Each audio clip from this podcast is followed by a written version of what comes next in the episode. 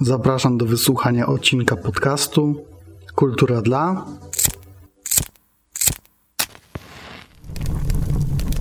Nieokrzesanych.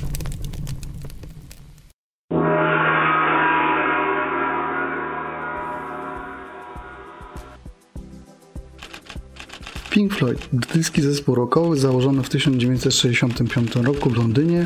Ich twórczość początkowo klasyfikowana jako rock psychodeliczny, w późniejszych latach nabrała cech rocka progresywnego. Skład. Sid Barrett gitara, David Gilmour gitara, Nick Mason perkusja, Roger Waters gitara basowa. Do 1987 roku, Richard Wright instrumenty klawiszowe. Premierowe nagrania zespołu ukazywały się od 10 marca 1967 roku singiel Arnold Lane Candy and the Current Bun do 10 listopada 2014 roku płyta Endless River. Działalność koncertowa od początku do 29 października 1994 roku oraz występ specjalny 2 lipca 2005 roku na Live Aid w Londynie. Klasyczny czteroosobowy skład. Wybrana filmografia. 1972 Life at Pompeii. 1989 Delicate Sound of Thunder. 2006 Pulse oraz 1982 The Wall, film fabularny z muzyką Pink Floyd i oparty na tekstach z płyty. Skrzydlate słowo za Wikipedią. Twórczość zespołu początkowo klasyfikowana jako rok psychodeliczny, w późniejszych latach nabrała cech rocka progresywnego. Grupa znana jest z filozoficznie zabarwionych tekstów piosenek, eksperymentów z dźwiękiem, innowacyjnego podejścia do kwestii grafiki w albumach oraz rozbudowanych występów koncertowych.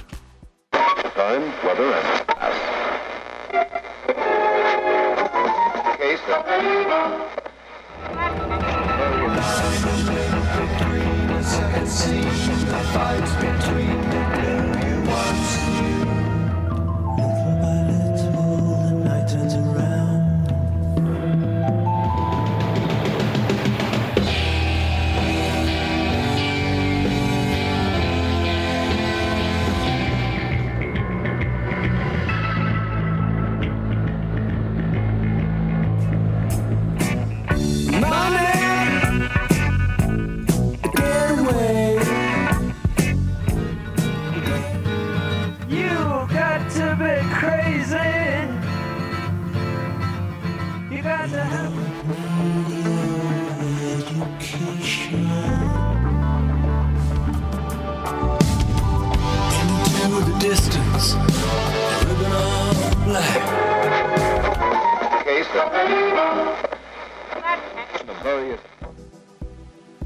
rakowa instytucja, o której wszyscy coś tam niby wiedzą i w jakimś sensie trudno powiedzieć coś odkrywczego.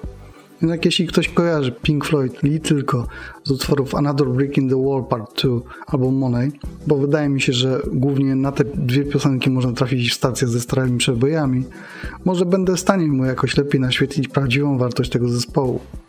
Dla mnie Pink Floyd to jeden z najważniejszych bandów wszechczasów. Panowie wypracowali swój styl i teraz tak na serio nie ma sensu ich kopiować czy nawiązywać. To wszystko brzmiałoby zbyt trywialnie. W jakim sensie Pink Floyd to klasa sama dla siebie. I w sumie nie ma co ich demitologizować, ale warto podejść analitycznie.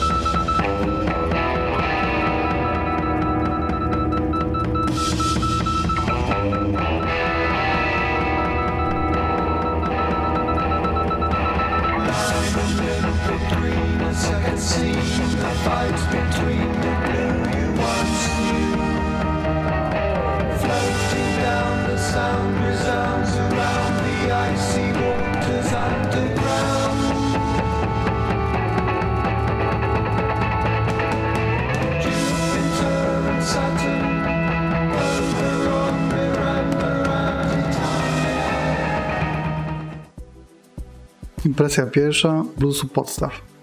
Jak tak spojrzeć na Pink Floyd stylistycznie, to mamy tu same sprzeczności.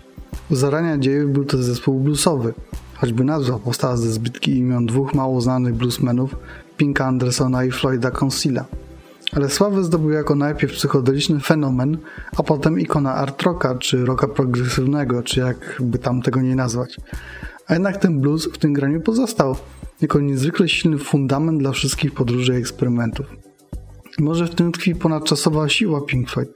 Mimo iż dość dużo eksperymentowali, bawili się i formą i treścią, to jednak zawsze albo bardzo często była to prosta muzyka.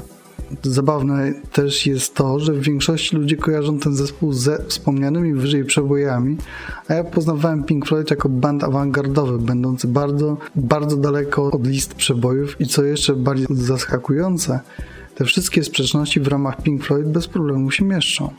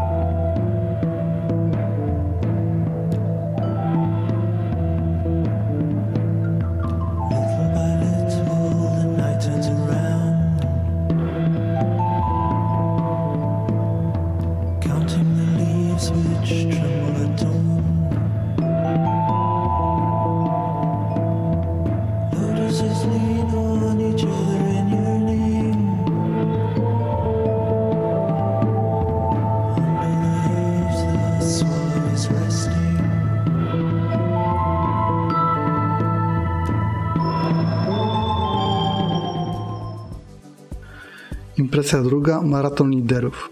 Pink Floyd wypada zaskakująco nie tylko z uwagi na stylistyki, w której się poruszał, ale także na zmiany kierownictwa na przestrzeni lat. To chyba jeden z niewielu zespołów, a może nawet jedyny, który na dobrą sprawę miał w swojej historii trzech liderów oraz całkiem długi okres działalności kolektywnej. I co więcej, zmiany owych liderów wiązały się co najwyżej z ewolucją brzmienia, a nie kolosalnymi, czy można powiedzieć rewolucyjnymi zmianami. Oczywiście najdotkliwsza była sytuacja. No, oczywiście najdotkliwsza była sytuacja z Sydem Barrettem. To on był twórcą niemal całego repertuaru wczesnego Pink Floyd jego choroba psychiczna, mocno wspomagana przez hurtowe zażywanie narkotyków, a w konsekwencji wyrzucenie zespołu mogło doprowadzić do całkowitej bezrodności pozostałych muzyków. Jednak panowie dzielnie wzięli na siebie kolektywnie odpowiedzialność za przyszłość grupy i choć nie bez błądzenia, poradzili sobie lepiej niż ktokolwiek mógłby przypuszczać. Późniejsza o dekadę dominacja Rogera Watersa to szczególny przypadek rozrostu ego.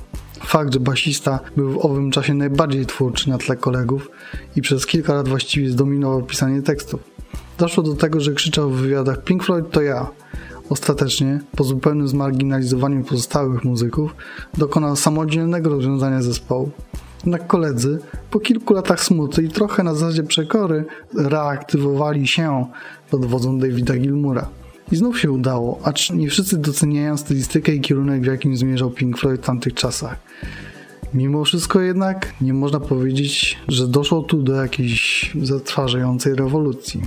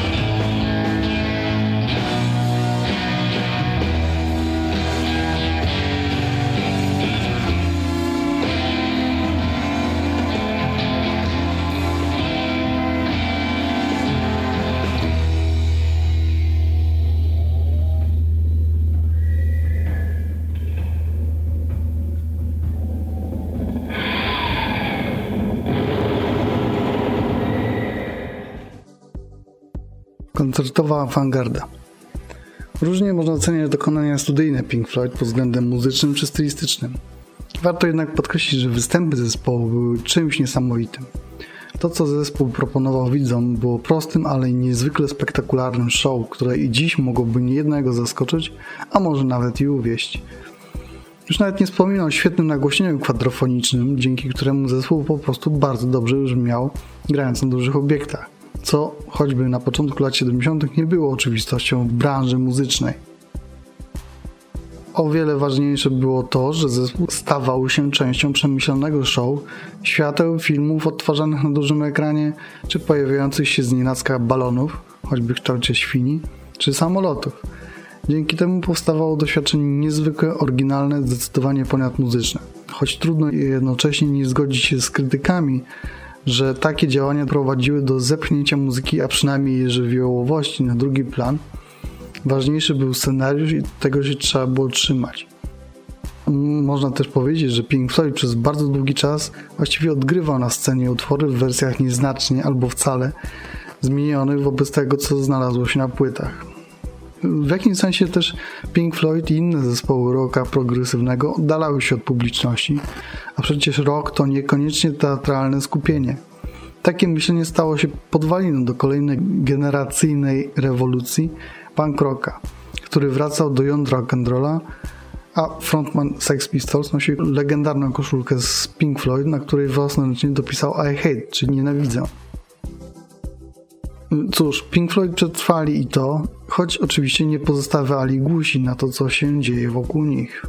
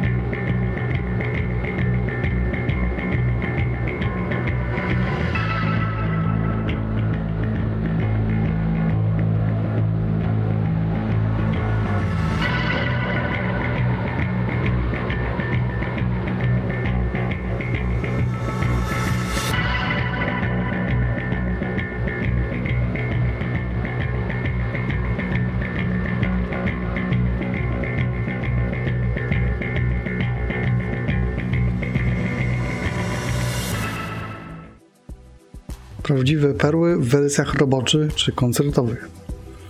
Obecnie w zasadzie każdy bez większego trudu może dotrzeć do bootlegów tego zespołu. Tego i nie tylko tego.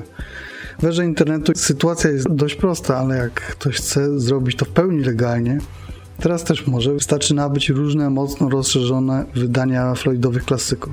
Jakkolwiek, słuchając tych wersji roboczych czy wykonań koncertowych, doszedłem do być może szokującego ortodoksu wniosku. Pink Floyd za bardzo kombinowali w studiu. Oczywiście to, co znamy z ostatecznych wersji jest świetne i robi kapitalne wrażenie. Inaczej byśmy o tym będzie nie rozprawiali. A jednak już same szkice tej kompozycji bez specjalnej studyjnej obróbki, niejednokrotnie zbyt wyszukanego kombinowania robią kolosalne wrażenie. Jak wspomniałem wyżej, Pink Floyd to prosta muzyka i to właśnie w tych demach słychać jest siłą nie znaczy, że produkcja studyjna psuła te kapitalne pomysły, ale wielokrotnie je usztywniała, rugowała z nich żywiołowość. Polecam każdemu, kto zna Pink Floyd, żeby trochę pokopał, dotarł do wersji bootlegowych.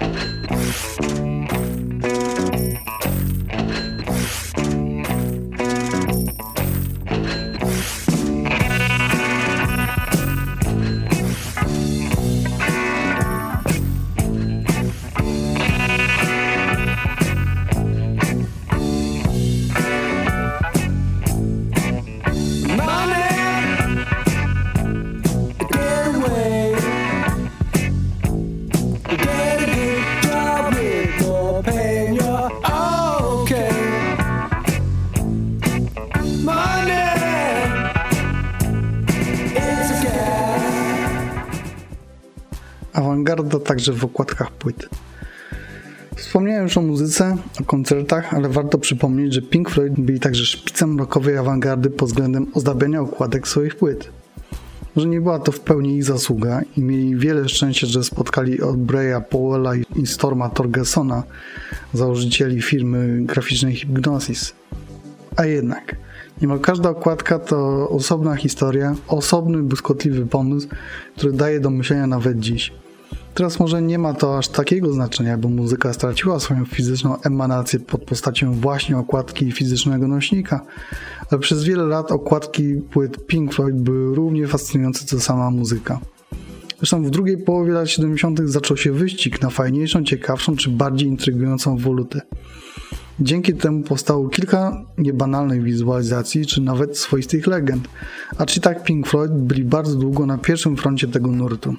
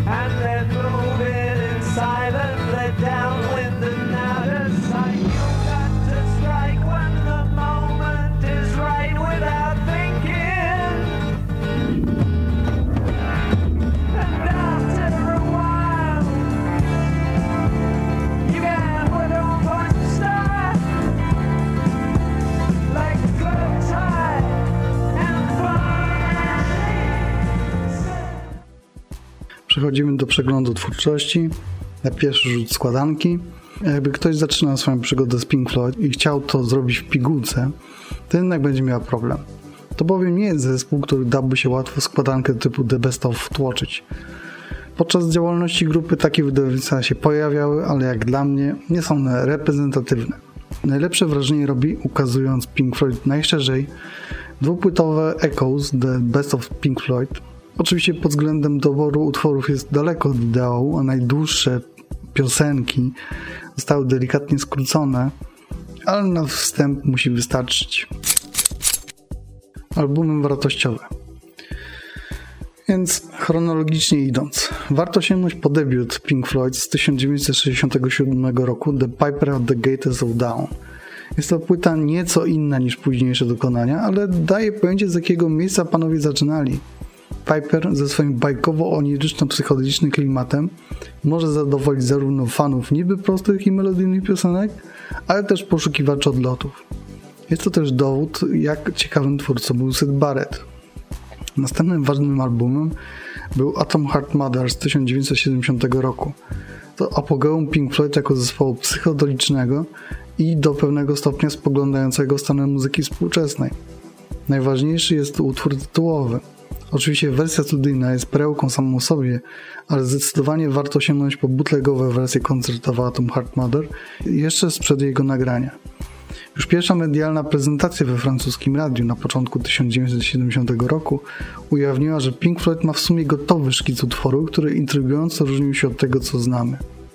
Potem zespół grał ten kawałek wielokrotnie na koncertach, a z uwagi na trudności w wykonaniu tego utworu w wersji studyjnej, można posłuchać w wersji prostszej, co nie znaczy, że mniej fascynującej.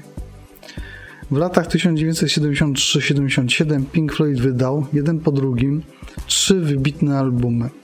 Chociaż proces wydawniczy był rozciągnięty na niemal 5 lat, to najważniejsze utwory na te krążki powstały niemal w jednym czasie – Chodzi oczywiście o The Dark Side of the Moon, Wish You Were Here i Animals. Na Dark Side zespół dość skromnymi środkami stworzył niezwykle klimatyczną suitę o współczesnym świecie. Można tej płyty słuchać jako misterium, można jako zbioru większości chwytliwych utworów. W każdej postaci robi wrażenie. Dla muzyków ten album z jednej strony przyniósł wielką popularność, ale z drugiej presję związaną z kolejnymi płytami i rosnące wewnętrzne napięcia.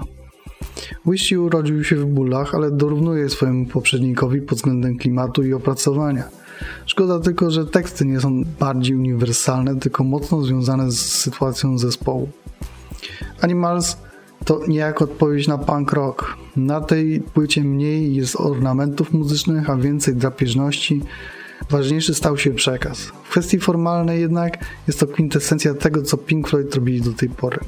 Dodatkowo Waters w swoich tekstach dowalił wszystkim po kolei. Materiał z tych płyt jest także do zdobycia w wersjach bootlegowych, czy to z koncertów, czy nawet w fazach roboczych ze studia.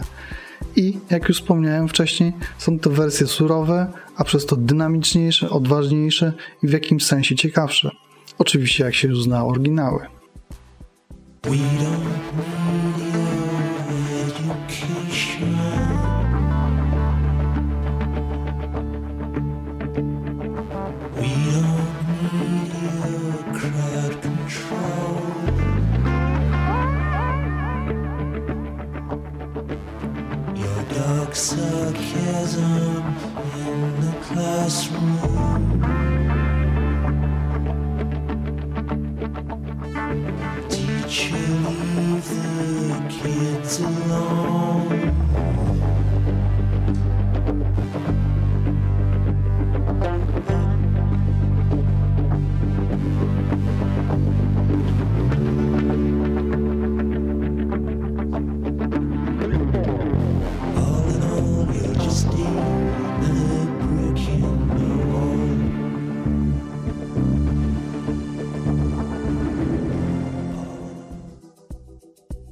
Album przereklamowany.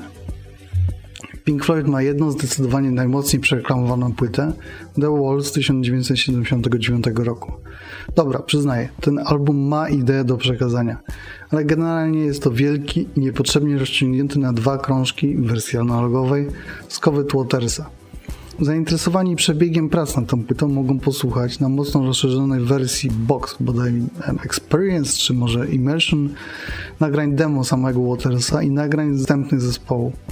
Niestety dla producentów ostatecznej wersji te surowe nagrania są o wiele ciekawsze od mocno przekombinowanych i pompatycznych wersji końcowych. Całość dałoby się przyciąć do maksymalnie 40 minut, to tak mniej więcej odpowiada jednej płycie analogowej wtedy byłby to wspaniały album. Nie polecam. Niestety w długiej historii Pink Floyd zdarzały się albumy w najlepszym przypadku słabe, żeby nie powiedzieć, że złe. Gdyby nie krążek z koncertem, odradzałbym sięganie po album Amma Gamma z 1969 roku. To niestety świadectwo zagubienia muzyków w trakcie poszukiwania swojego stylu. Bardzo przygnębiające wrażenie robi płytę The Final Cut z 1983 roku, Waters w swoim zamordystycznym zapale udowodnił, że można zrobić album z odpadów z poprzedniego, już i tak nudnego i rozdętego albumu, wspomnianego The Wall, oraz że można było nagrać album pod szyldem Pink Floyd, ale bez muzyku z podstawowego składu. Rick Wright wyleciał z zespołu już przy The Wall, a Nick Mason i David Gilmour zagrali tutaj tylko kilka dźwięków. Całość jest mętna, nijaka i składa się głównie z pojękiwania basisty tak poprawnie to solowy album Watersa i wskaźnik w jakim on w przyszłości pójdzie kierunku. Ostatnią tutaj w karierze Pink Floyd jest płyta The Endless River, wydana w 2014 roku. Trudno określić ten album inaczej niż remanenty. Bardziej zgryźliwi mogliby rzucić hasło ordynarny skok na kasę. Są to jakieś wyimki z prób zespołu przed nagraniem dwóch ostatnich albumów studyjnych, już pod wodzą Gilmura, którym starano się nadać formę bardziej skończoną. Przesłuchałem to wydawnictwo kilka, kilkanaście razy i dosłownie nic mi w głowie nie zostało. Mimo rzekomego hołdu dla zmarłego w 2008 roku klawiszowca grupy Ricka Wrighta, ta pozycja może tylko popsuć całościowy obraz dokonań Pink Floyd, że już o koszmarnej okładce nie wspomnę. Dziękuję za uwagę i do usłyszenia w następnym odcinku.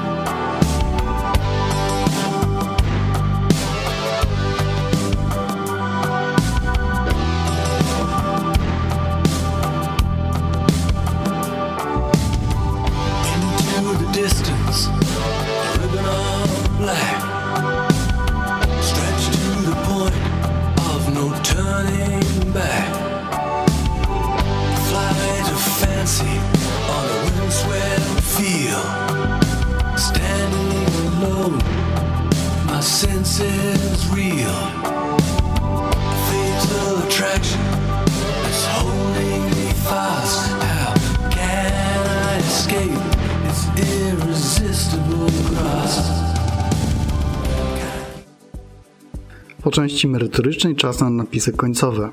Najpierw chciałbym podziękować kilku osobom, które poświęcając swój cenny czas i masę wysiłku podlanego morzem cierpliwości, pomogły mi doprowadzić ten podcast do stanu, w jakim jest teraz. Magda, Ewa, Agata Jarek, Michał, Aneta i reszta książenickiej ekipy. Jestem Wam bardzo wdzięczny. Innym, nie wymienionym wcześniej, także dziękuję.